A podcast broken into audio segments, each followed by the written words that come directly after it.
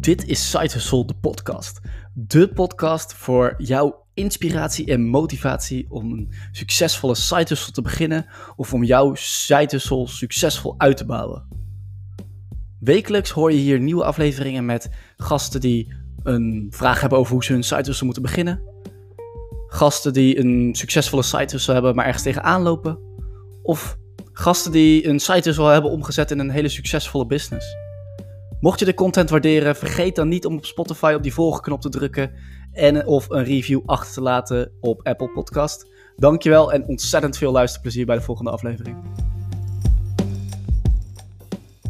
Welkom bij Side de podcast. Vandaag heb ik Eline te gast en zij is videomarketeer. Dus we gaan vandaag enorm veel leren over video. En dat niet alleen, ook over haar verhaal natuurlijk. Hoe ze is begonnen met haar side en nu hier is beland. Eline, fantastisch dat je er bent. Heb je er zin in? Ja, ik heb er heel veel zin in. Ik ben super benieuwd. Mooi. Uh, ja, voor de mensen die jou niet kennen, kun je jezelf even voorstellen? Ja, ik ben Eline. Ik ben uh, eh, 20 jaar, dus misschien ook wel leuk om te weten. Dus uh, jong ondernemer. Inmiddels onderneem ik twee jaar. Ik ben begonnen als videograaf, inmiddels videomarketeer, videomarketing coach. En op dit moment coach ik vooral ondernemers om zelf videomarketing succesvol in te zetten. Want vaak denk ik van, oh, dat kost heel veel tijd. Um, en vooral ook op een hoge kwaliteit niveau. Dus echt niet met gewoon een smartphone, maar echt met een camera. Maar dat wel heel efficiënt te doen, zodat je ja, dat ook heel winstgevend kan gaan inzetten. Uh, dus daar coach ik ondernemers bij. En ik, uh, ja, als videograaf zeg maar, film ik alleen nog online programma's voor ondernemers. Dus die lessen neem ik dan op. Um, dat is een beetje 80-20% verhouding. Dus 80% coach, 20% nog videograaf, uh, zeg ik altijd. Oké, okay, nou indrukwekkend. Ja. 20 jaar inderdaad, nog lekker jong ondernemend. Ik vind dat sowieso inspirerend. Dan gaan we het later diep over hebben. Eerst ben ik natuurlijk heel erg benieuwd naar jouw verhaal. Hoe ben je nou ooit begonnen als videomarketer? Ja. Hoe beland je daar?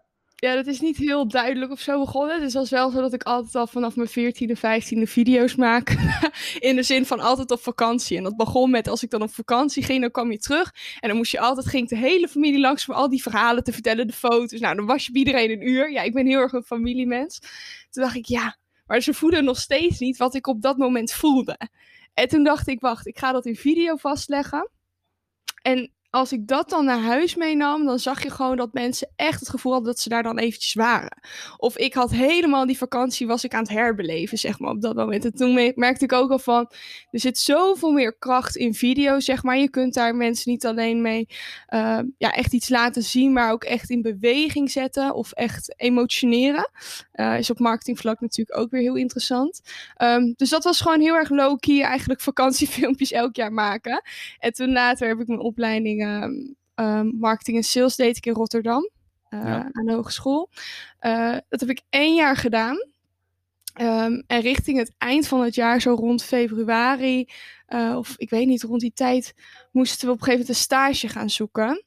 En toen dacht ik, ja, wat, dan ga je een beetje denken, wat kan ik of zo, weet je, wat, wat wil ik doen? En toen dacht ik, nou, op zich kan ik wel video's maken. Of, maar ik had dus nog nooit echt een film buiten vakantievideo's gemaakt. Um, en toen besloot ik bij een wat groter bedrijf te gaan solliciteren, die nog helemaal niks ook met video deed. En toen dacht ik, ja, ik ga eens kijken of ik die skill daarin kan doorzetten. Want ik had er gewoon verder echt nog niet veel mee. Ik keek wel echt twee uur per dag video's daarover over, uh, op YouTube. Zij hadden zeg maar geen vacature voor video staan, maar jij hebt gewoon jezelf gepitcht als in kan ik stage lopen met video ja. bij jullie. Nou, wat, je dus, wat ik heel erg lastig vond, en ik denk dat meer mensen dat wel hebben, als ik een motivatiebrief altijd moest schrijven, want ik switchte heel graag qua jobs en zo. Ik liep zo vast op dat stukje motivatiebrief, want je kan geen drie uitroeptekens erachter zetten, je kan geen emoticons plaatsen van joehoe, ik heb er zin in, weet je wel. En ik kwam heel erg, dus mijn enthousiasme kwam totaal niet over in zo'n brief. Want als je dat wat ik nu zeg in tekst gaat zetten, dan klinkt het lang niet zo enthousiast als dat ik het je vertel, zeg maar. Um, dus toen besloot ik van, hé, hey, ik kan beter ook als... Ik had echt al vier drafts gehad. Toen dacht ik, nee, ik ga gewoon een filmpje opnemen. Want daar ben ik waarschijnlijk veel meer... Kom ik tot mijn recht. En daar zei ik van, joh, en ik zie dit voor me. Misschien kunnen we dit gaan doen. Of, nou, dit vind ik heel erg leuk. Um, weet je, gewoon heel low-key. Gewoon mijn ideeën verteld. Wat ik tof vind. Um, eigenlijk enthousiasme laten zien. Um, ja, en dat heeft voor hun denk ik wel gezorgd dat ze heel goed konden zien van, oh ja, wat, wat zou je kunnen? Bouwt ook heel snel vertrouwen natuurlijk, video. Um, dus dat is gewoon heel anders voor hen. Ze hadden ook nog nooit een videosollicitatie gehad. En daarna weet ik nog wel dat het onderaan de site stond van... heb je een videosollicitatie? Dan mag het ook een video. Dus dat was ook wel grappig. Uh, nee, mensen kunnen je dan veel beter peilen, denk ik, of zo. Dat je even een beter beeld hebben bij uh, ja. wie je bent. Oké, dus je was student eigenlijk. Nou, je hebt een, een, een, stage gefixt op die manier. Toen ja. ben je video gaan doen. Nou, dat, dat ben je dus ook gaan doen. En dat heeft gewerkt bij dat bedrijf. En, en toen? Wat, ja, daar kreeg ik dus um, vijf weken lang de vrijheid om van allemaal content voor hun te maken. Dus toen hebben we echt van alles gemaakt. Ik denk dat we vijf of zes video's eruit hebben gegooid. Of misschien vier, vijf. Maar in ieder geval best wel wat. Um, dus mijn hele weken bestonden uit scripten maken. Nooit gedaan. Um, dus dat was gewoon heel erg tof. En toen kon ik daar na mijn stage ook blijven, gewoon al vanuit mijn onderneming. Dus had ik gelijk opdrachten te pakken. En scheelde dat heel erg dat ik daardoor al een portfolio kon opbouwen van video's. Was meer in de corporate wereld toen dus nog. Um, en van daaruit kwamen ook weer eigenlijk, ja, kwam gewoon vanzelf andere bedrijven. Ik weet ook niet hoe ze me vonden eigenlijk achteraf. Een beetje LinkedIn Instagram had ik ook 100 volgers of zo. Dus dat was allemaal niet heel denderend. Het was ook letterlijk gewoon een paar filmpjes van die ik had gemaakt op mijn Instagram, zeg maar. Niet uh, uh, totaal anders dan wat ik nu heb, zeg maar. Ja. Uh, maar daarvan begin, begon het eigenlijk gewoon te lopen langzamerhand. En toen richting november, dus dan praten we over, dit was zeg maar juni, juli, die stageperiode. En dat ja. werk juli, augustus ongeveer toen in november kreeg ik de eerste aanvraag van twee vrouwelijke ondernemers.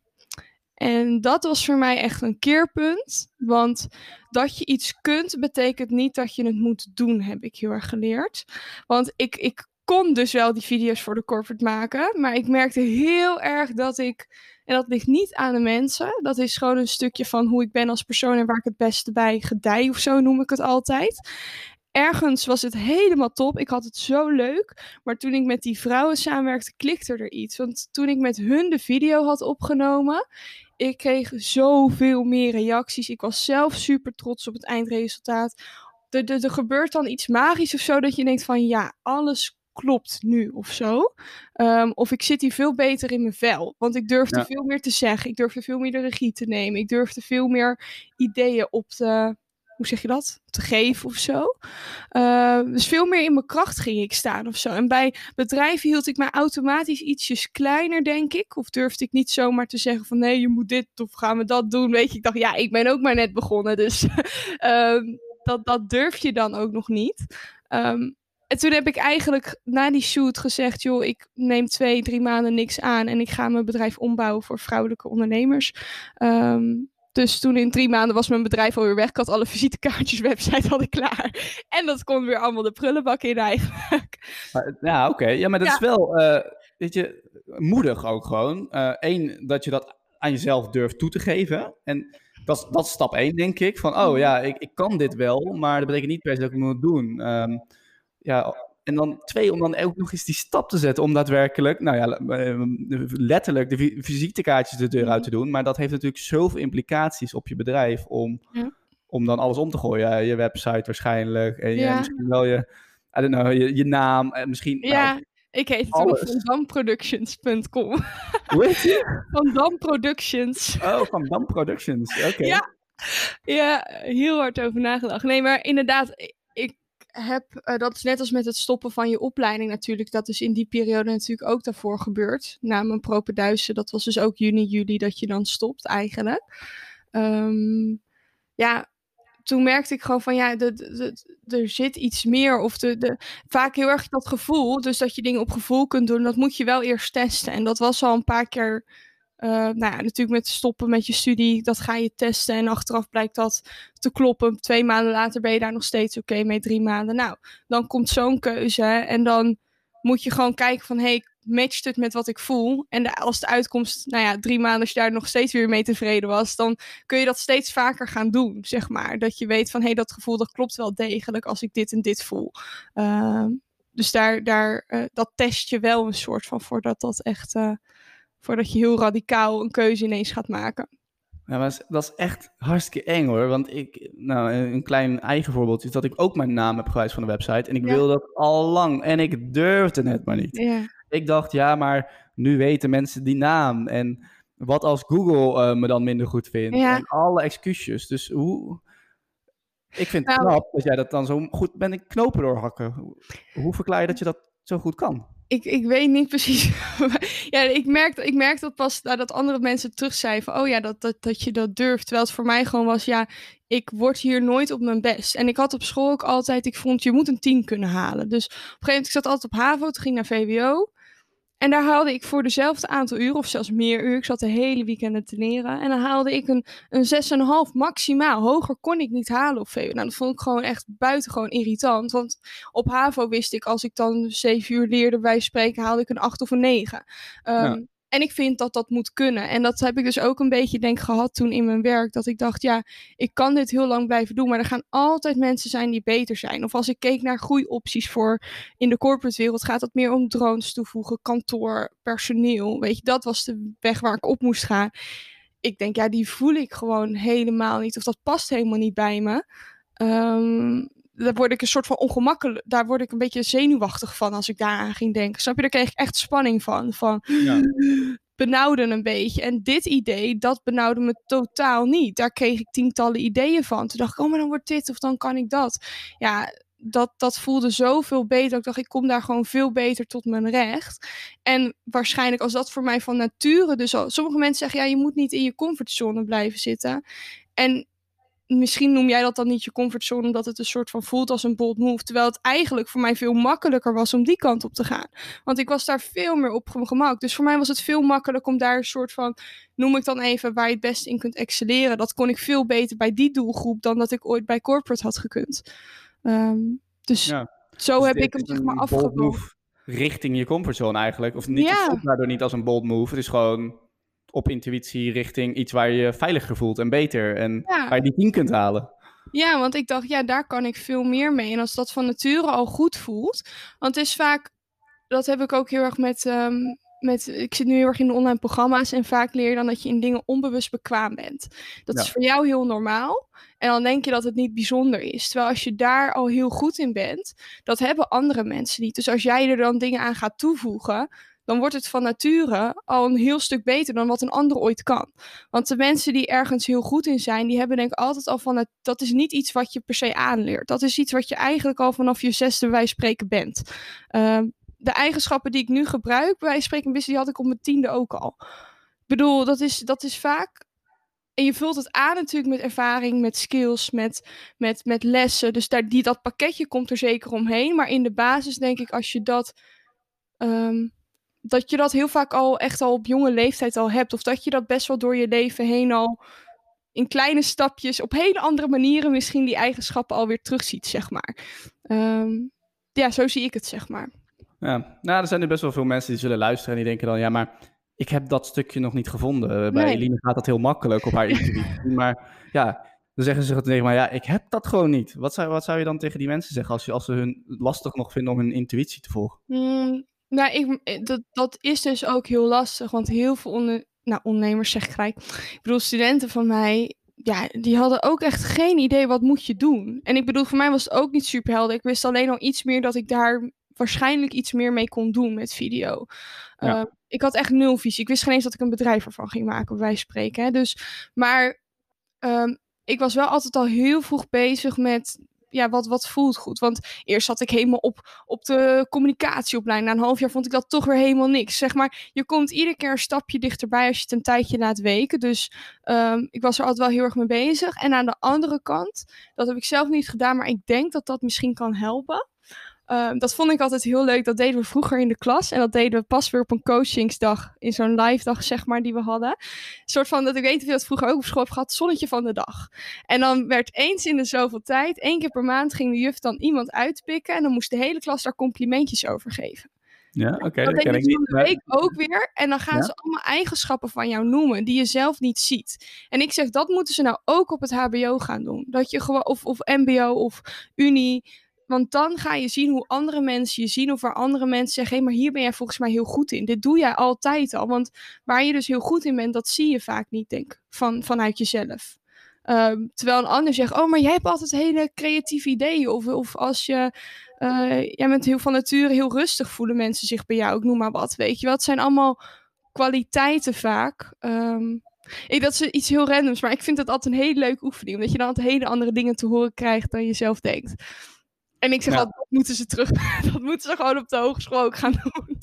Nou, we hebben deze tip hebben we eerder gehoord hoor. Ook van eh, ja. vraag aan anderen waar, waar jij goed in bent of hoe ze jou zien. Eh. Maar het is een concrete oefening, het zonnetje van de dag. Het klinkt ook leuk. Eh, je wordt even in het zonnetje gezet. En Ja, wat ik hier ook gewoon uithaal is dat ja, ehm, jij stopt gewoon niet met, eh, eh, je geeft niet op om je intuïtie te volgen, zeg maar. Dus je, je zegt al, ik ging communicatie doen, dan vond ik als student lastig, ging ik weer wat anders doen. En dan kan je wel bij de pakken neer gaan zetten, zitten of, denken, of misschien wel denken van, nou, ik heb nu een 6, ik haal altijd een 6.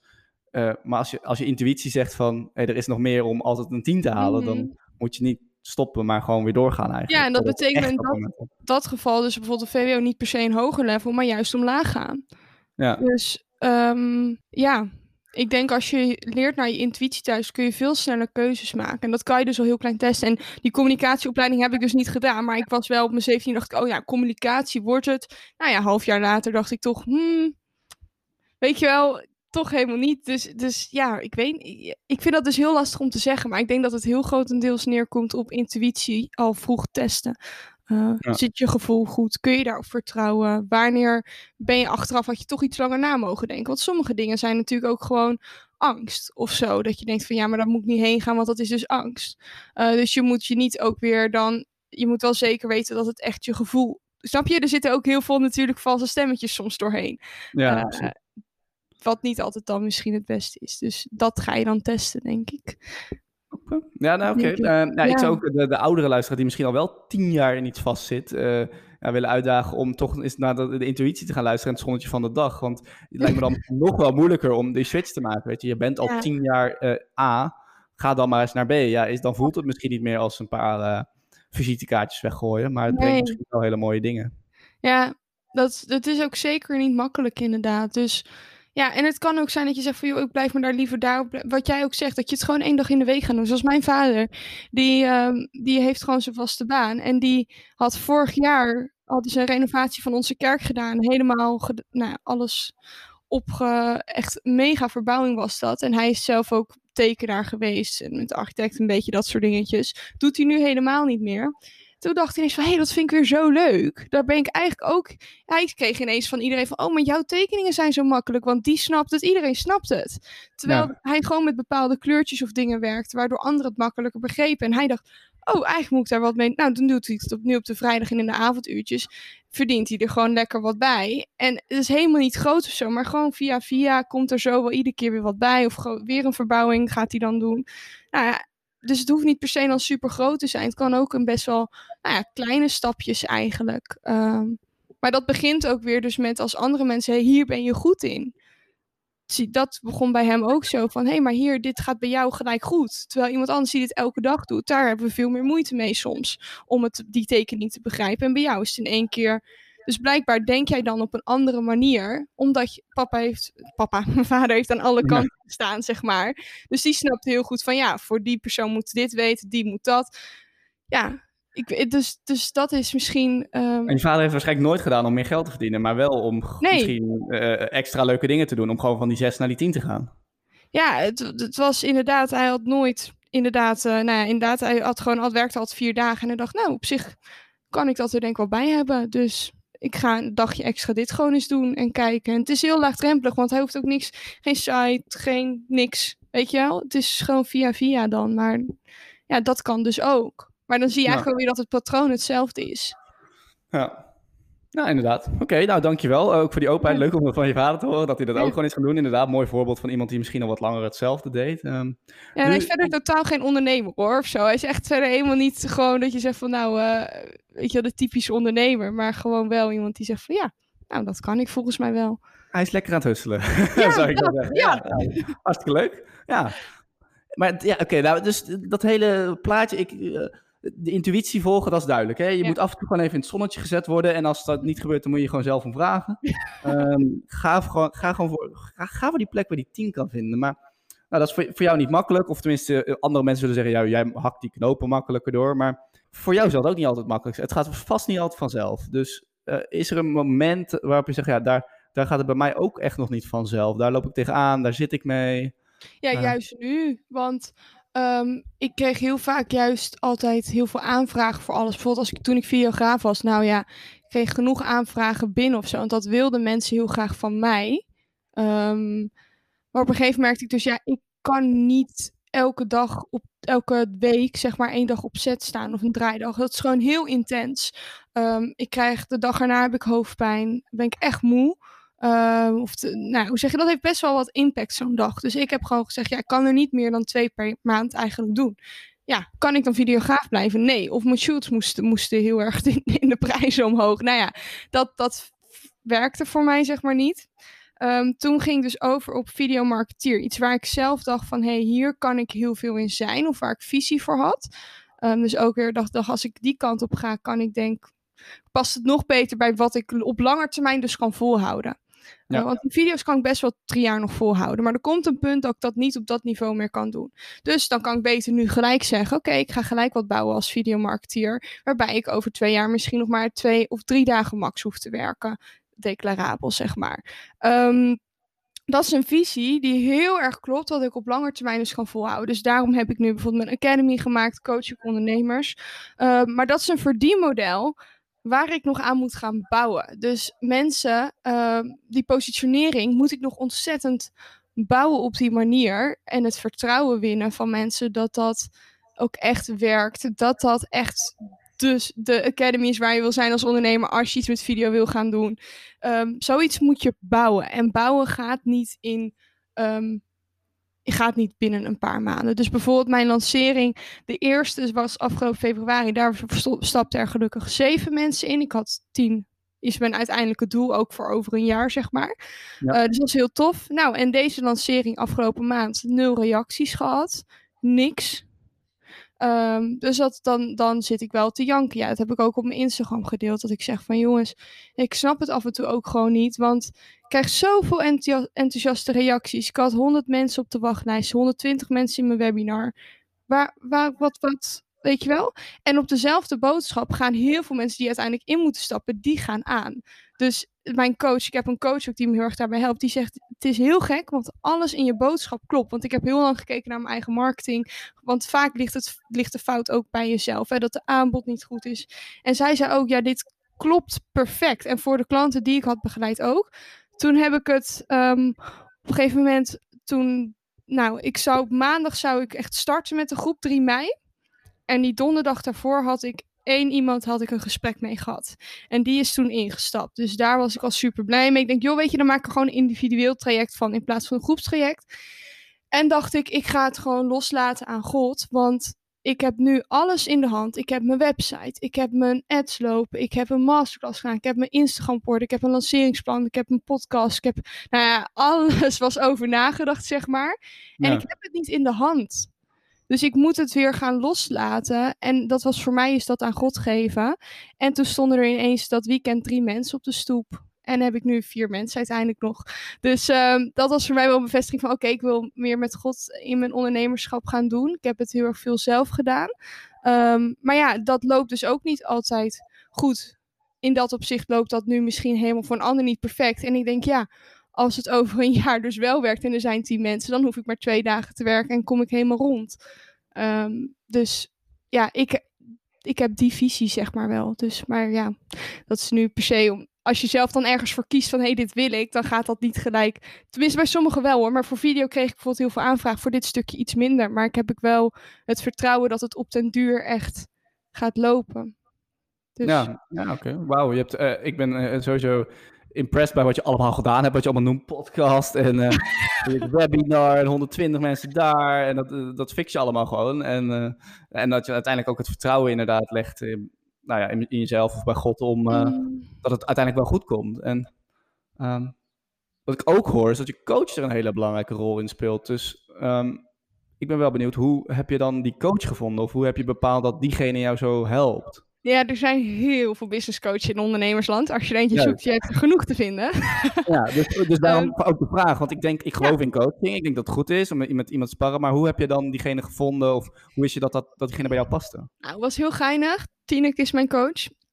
En toen ik dus die switch ging maken... Tineke Zwart, ja. ja, ja ken jij ook? Ja. Ja, ik ken haar, ja. Ja, en toen Ik ik... ook ook een eh, vriendin van mij en ik volg haar ook. Dus, eh, Nee ja, joh, wat leuk. Oh, wat tof. Ja, nou, toen ik dus van ehm, eh, in, die, in dat jaar 2019, denk ik, ging ik op een gegeven moment weer een switch maken. Volgens mij, of, of was dat een switch? Ik weet het soms niet meer. Maar in ieder geval was dat volgens mij in de periode dat ik van bedrijfsvideo's naar, onder, naar vrouwelijke ondernemers ging. Toen heb ik in haar basisprogramma gezeten, Business Boost Academy. En afgelopen zomer was ik dus op zoek naar een nieuwe coach. En toen dacht ik, zat ik heel lang te zoeken, dacht ik, nee, ik moet gewoon weer terug naar Tineke. Tineke heeft zelf ook heel veel ervaring. En wat het voor mij is, ik ben jong, dus ik heb niet heel veel ervaring.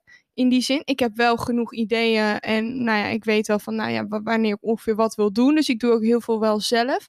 Maar ik vind het heel fijn om het bij iemand anders neer te kunnen leggen om te dubbelchecken, want jij hebt meer ervaring. Klopt dit ook daadwerkelijk? Want dat geeft mij de bevestiging, oké, ik snap hoe de wereld, die wereld werkt. Ehm. Want als je jong bent kun je ook dingen over het hoofd zien of ergens, eh, nou ja, hè, nog geen weet van hebben. Dus ik heb het ook heel erg als dubbelcheck, zodat ik weet weer, ik kan op mijn intuïtie vertrouwen. Want zij zegt ook, het klopt helemaal wat je neerzet. Ehm, dus ik heb het heel erg voor die bevestiging ook weer eigenlijk van dat ik weet van oké, ik weet hoe ik de goede keuzes kan gaan maken. Eh, keuzes maken is best wel een groot thema, dus eigenlijk in het ondernemerschap denk ik. Nou Ja, weet ik ook dat eh Tineke heeft niet de goedkoopste prijzen meer. Nee, Eh, dus voor, voor, voor, voor een site hustler is dat wel, ja, ik weet niet, eh ja, is Dat is wel duur. de bachelor. maar heb- toen is- ik ook nog niet, toen ik ook nog bijna niks verdiende, praten we over, ehm, wat is het, vorig jaar, twee jaar geleden. Ik weet niet, het schommelde de ene keer 2000, de andere keer 5, de andere keer 3, de andere keer 6 misschien. Weet je, het, vers- het verschilde ontzettend. Maar dan investeerde ik ook in coaching van 3000 euro. Of dan weer in eh, weet ik veel wat. Dus ehm, bij Tineke is dat inderdaad nog iets, nog een stukje hoger. Ehm, maar ja, dat, dat, ik heb wel altijd gehad dat ik daar gewoon toch dat toch deed. Ja. Want je blijft heel lang aanrommelen. Aanrommelen kun je altijd. Maar snel keuzes maken om heel snel door te gaan, dat is een stuk lastiger. Hoe zeg je dat? Snel de goede keuzes maken. Want je kunt, dat is dus wat ik altijd dacht, ik kan hier nog twee jaar over doen. Ik kan dit prima nog twee, drie jaar doen. Maar als ik het vandaag doe, hoe is het dan over drie jaar? Dit stukje wat ik eigenlijk al weet dat ik ooit ga loslaten. Als je het toch over twee jaar gaat loslaten, waarom dan niet nu? Ja, is misschien nu even jammer voor die mensen. Maar als ik dan over twee jaar, als dit stukje dan groter is, waar ik veel meer visie in zie, dan, zo, dan is dat lucratiever, beter of ehm, zo heb ik er altijd een beetje naar gekeken. En met een coach hou je dat dus ook veel sneller scherp. Dus Ja, je gaat uiteindelijk ook sneller. Ja, dus, dus door de investering in de coach gaat dat in plaats van twee jaar aanrommelen, wordt het eh, rommelen wordt gewoon veel eh, korter, zeg maar. Je vindt Ja. veel sneller waar de intuïtie ligt of waar jouw passie ligt of Nou, hoe je dat ook weer bij anderen aan laat slaan. ja, want je hoeft niet aan te rollen, want het wiel is al uitgevonden voor heel veel dingen. Ja, zeker. Dus nou, je kunt dat, beter eh, dat- dat- volgens mij geldt het ook voor videomarketing. Het wiel is daar al uitgevonden. Dus laten we het ook gewoon even daarover nog even over hebben. Over videomarketing en wat het kan betekenen voor, eh, ja, voor een bedrijf of voor Ja. een onderneming of voor een hustle. Dus ehm, nou ja, dat is misschien ook gewoon gelijk de beginvraag. Ja. Waarom zouden mensen aan videomarketing moeten doen? Goeie. Ik ga daar morgen ook zelf een podcast over opnemen, omdat ik vind... Ik, kijk, het is dus heel gek met video. We hebben denk ik al, wat was het? Pas zag ik een video sinds 1980 of zo, weet ik veel. Wanneer hadden we al een tv en video, zeg maar. Begon daar al. Ehm 2012 ongeveer kwam YouTube natuurlijk echt ook in Nederland wat meer. En toch, tien jaar verder bijna, is er bijna niemand in Nederland. Ja, de vloggers hebben we, de, YouTubers kennen we wel. Uh, maar niet zoals in Amerika, waarin echt ondernemers echt met video. Kijk, bijvoorbeeld een Gary Vee doet ook bijna alles met video. Mel Robbins. Um, ja, die, die, dat is allemaal een en al video. En op YouTube hebben zij hele verdienmodellen. Nou ja, noem maar op. Ja. Um, en wat ik vooral zie dus, als je vraagt over waarom blijft die trend achter, dan denk ik dus omdat we gewoon puur niet weten dat video ook best wel weinig tijd kan kosten. Tenminste, ik ben zelf dus ook heel erg gestopt met video, omdat ik gewoon echt uren bezig was met één video. En dat was prima als ik ervoor betaald werd, maar als ik het voor mijn eigen onderneming moest doen, ja, dan ga ik niet een paar uur steken in een video. Dat moet gewoon veel sneller. Um, dus, dus enerzijds denk ik dat stukje. Ehm, anderzijds, waarom je het als ondernemer dus wil doen, als je kijkt naar eh, de online marketingwereld, dan is menselijk contact steeds belangrijk of persoonlijk contact. Mensen willen, het belangrijkste is dat mensen zich gezien voelen, gehoord voelen, geëmotioneerd worden, want als ze geëmotioneerd worden, verbinding voelen, gaan ze in actie. Dus mensen moeten en een verbinding met je voelen, moeten je vertrouwen, moeten in zekere zin urgentie voelen om bij je te komen, kopen. Um, nou ja, wat heb je nog meer? En ze moeten een beetje enthousiasme voelen, zeg maar. Van we moeten er zin in hebben om iets te kopen. Want dingen zijn tegenwoordig een beetje nice to have. Je hebt het niet per se nodig. Um, in video um, kun je natuurlijk ontzettend persoonlijk zijn zonder dat je iemand één op één hoeft te spreken. Dus um, wat, wat je in een Zoom-call met iemand kunt doen, kun je ook al in een video bereiken. Dus mensen kunnen een ontzettend goede band met jou opbouwen in video. Dus ik zeg ook altijd, video zet je niet in omdat je daar dan 10.000 likes en reacties op krijgt. Dat is bij mijn video's ook niet zo. Misschien één reactie echt veel minder likes. Maar wat er op hoofd- of mindset, hart- en mindset niveau gebeurt, is veel intenser. Dus dat stukje wat video doet, zie je misschien iets minder. Dus denken van ja, hij is niet goed, het heeft niet zoveel zin. Maar het gaat heel veel dieper, zeg maar, video. En daarom denk ik in de toekomst dat het veel meer gaat om um, connecties bouwen. Moeten mensen nog meer vertrouwen willen, nog meer van mensen kopen. Dus een gezicht bij je bedrijf of een band daarbij en goed vertrouwen ja, dat wordt zeker met video ontzettend belangrijk. Dus dat is wel een van de redenen waarom je dat wil gaan doen. Om dus je klant, eigenlijk gewoon zeg ik, mijn video's zijn gewoon voor mijn klant van hier, kijk maar of dit bij je past. En dat is wat ik doe. Dus um, een sales video is denk ik ook gewoon van joh, dit is wat ik kan. Kijk maar of het bij je past, of je het voelt. En mensen die het niet voelen, gaan heel gauw weg. Dat is hartstikke lekker, want daar wil je toch niet mee in gesprek. En mensen die jou heel erg voelen, die, dat was bij mijn offertes ook altijd. Die zeggen gewoon, oh, wanneer kan je eigenlijk? Omdat ze al wisten, die, ze zeiden ook, ik keek je video en ik dacht gelijk, jou moet ik hebben. Was bij die sollicitatie precies hetzelfde. Dus mensen voelen zelf al, hey, dit klikt, met haar wil ik werken. Dus je hoeft zelf veel minder, minder werk vaak te doen. Beetje, doe me denken aan de sollicitatie inderdaad, dat je zegt van, uh, uit al die onderzoeken dat blijkt dat mensen weten al heel snel binnen een minuut of zo of ze diegene aannemen. En met video kan je dat bijna nabootsen. Terwijl als je een salespagina ja. schrijft, dan zou je moeten lezen, lezen en dan denk je, ja, nu weet ik het nog niet. Nee, dus, ja. dus een stukje en snelheid dus inderdaad. Het, het gaat gewoon allemaal veel sneller. Die hele no-like trust fase die je vaak wil opbouwen, kun je in video allemaal in één video eigenlijk dumpen. En dus niet alleen laten horen dat ze het horen, maar ze kunnen het ook voelen. Ja. Um, en ja, dat is super krachtig natuurlijk voor, um, voor ondernemers ook.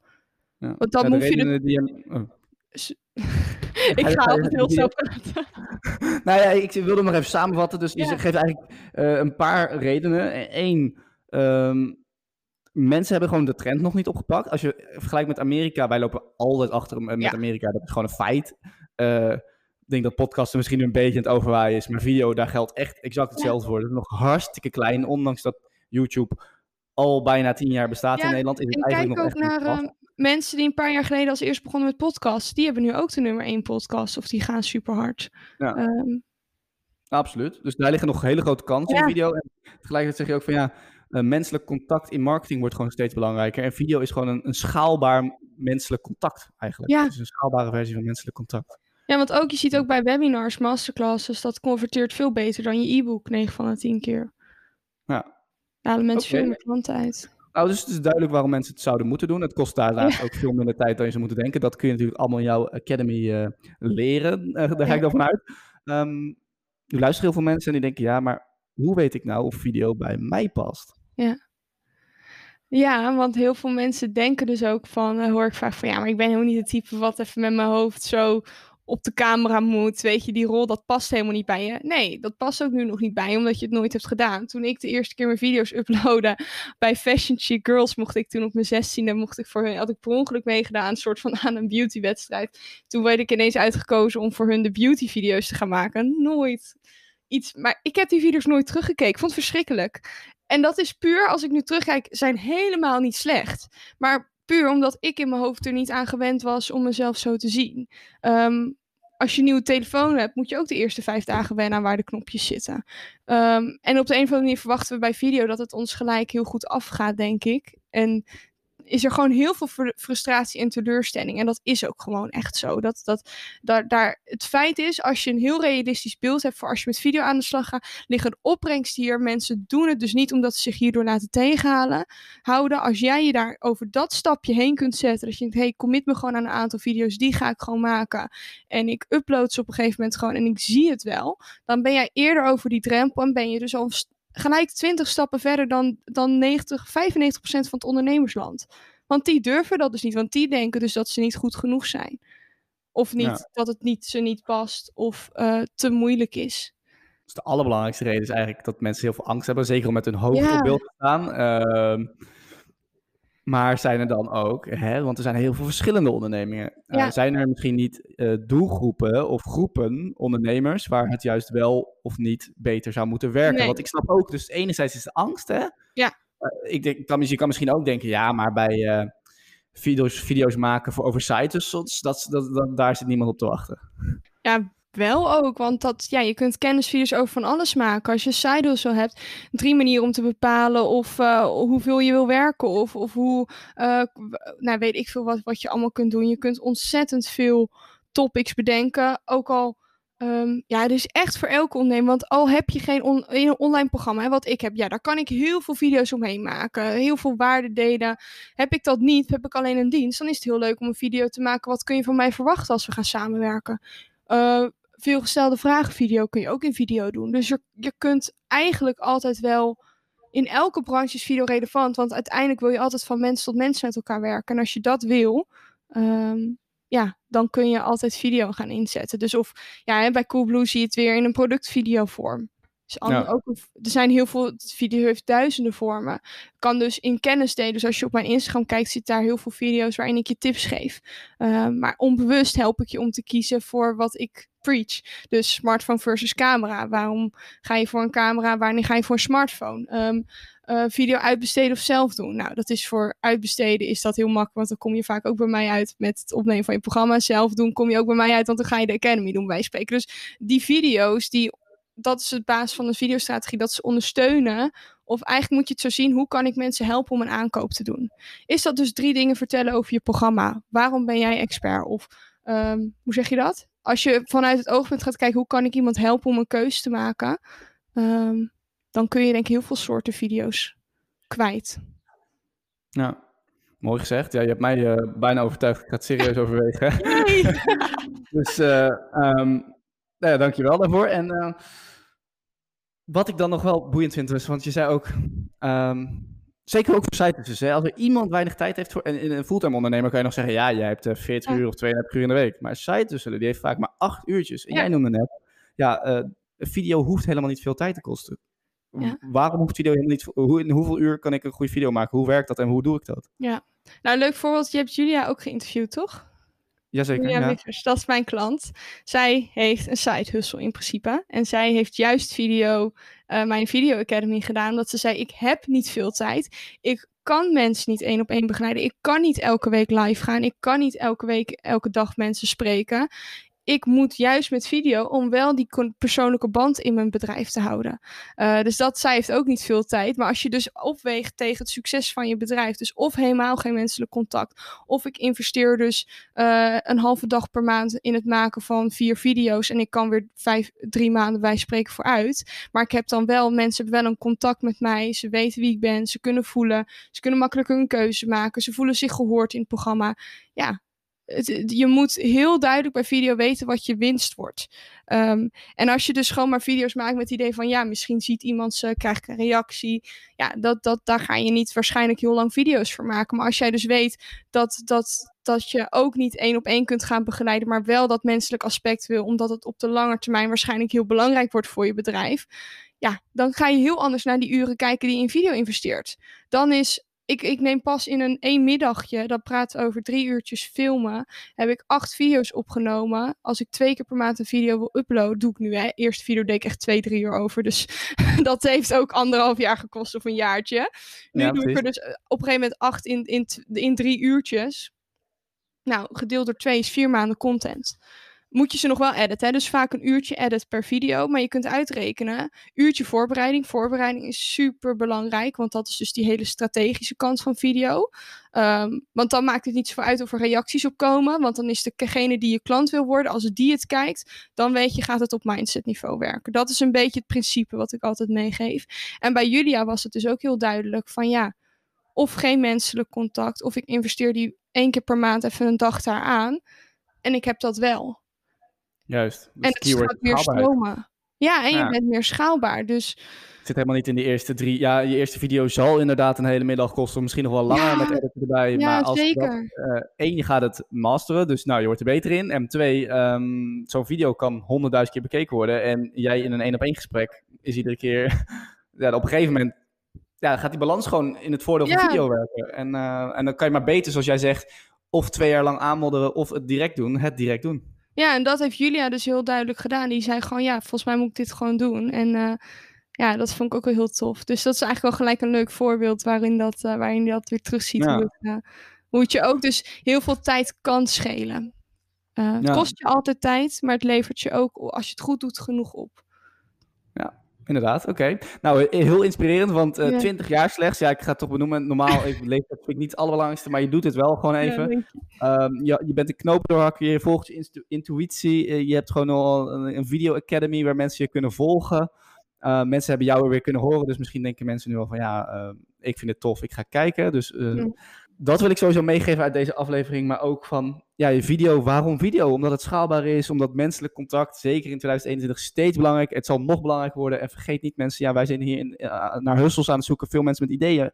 In video liggen nog giga veel kansen. Het is nog echt een markt die veel kleiner is dan andere markten. Ja. Dan de SEO-markt. En uh, die is al veel meer uitgespeeld. Dus ja, dat betekent gewoon dat er ruimte is voor, uh, voor, voor nieuwkomers. Ja, bijvoorbeeld nog één leuk verhaal, als ik dat ja, nog Oké, nou, kom, ja, wat ik niet toch Ik had een YouTube-video, de, de, allereerste YouTube-video die ik heb gemaakt. Dat was Hoe werkt Instagram Reels? Dat was een dag nadat Reels in Nederlands uitkwam. Ik had nul abonnees, in de zin, ik had misschien tien abonnees. Ik had geen banner, niks, geen tekst toegevoegd, niks. Um, wel goed over nagedacht, geüpload. Als je nu op Google Hoe werkt Instagram Reels, sta ik bovenaan. Nice. En hij blijft elke maand of twee weken met 200 views groeien. Dus je hoeft echt geen content toch te hebben of heel veel, hoe zeg je dat? Uh, het gaat er op YouTube om dat je de beste content maakt. Dus dat is nog even om je mee te geven, ook al heb je dus niks. Dat zegt niet zoveel nog in Videoland. Uh, dus dat, dat vond ik nog leuk om even mee te geven. Dat je dan dus met SEO ook gelijk weer hoger komt uh, met goede video je hoeft nog niks te hebben. In, in, in, ja, in YouTube-land kan je gewoon direct ja. bovenaan komen. Nou, dat is een hele mooie slottip. Dankjewel. Ik denk dat je heel veel mensen geïnspireerd hebt. Mij sowieso. Dus dankjewel ja, daarvoor. Ik hoop dat je het leuk vond. En ja, ja weet spreken elkaar uh, over een jaar of zo nog eens een keer. Lijkt me hartstikke leuk om ja. te kijken hoe het met je Academy gaat. En wat je nog, wat je nog meer geleerd hebt. Dus uh, dankjewel voor je tijd. Ja, super. Ik vond het heel leuk. Echt heel erg bedankt dat ik aanwezig mocht zijn. Ik vond het echt heel tof. Mooi, dankjewel. Dit was hem dan alweer. Ontzettend bedankt voor het luisteren naar Site Hustle, de podcast. De podcast met als doel om jou een succesvolle site hustle op te laten zetten. Of om jouw site hustle succesvol uit te bouwen. Mocht je me nu willen volgen, dan kan dat op Insta via @sitehustle de podcast. En wil je nu zelf een keer te gast zijn, dan kan dat ook. Kijk hier even voor even in de show notes. Of stuur me een berichtje op de eerder genoemde Insta, @sitehustle de podcast. Een andere manier om met mij in contact te komen is via mijn eigen site tussel. Dat is namelijk de Spaarpodcast. Ook deze podcast vind je op Insta via de Spaarpodcast of op de website www.despaarpodcast.nl. Mocht je de content van Site de podcast nu waarderen, dan zou ik het enorm gaaf vinden als je een review achter wil laten op Apple Podcast. Of als je me wilt volgen op Spotify. Dit kun je gewoon simpelweg doen door op de volgknop te drukken. Dankjewel en hopelijk tot de volgende aflevering.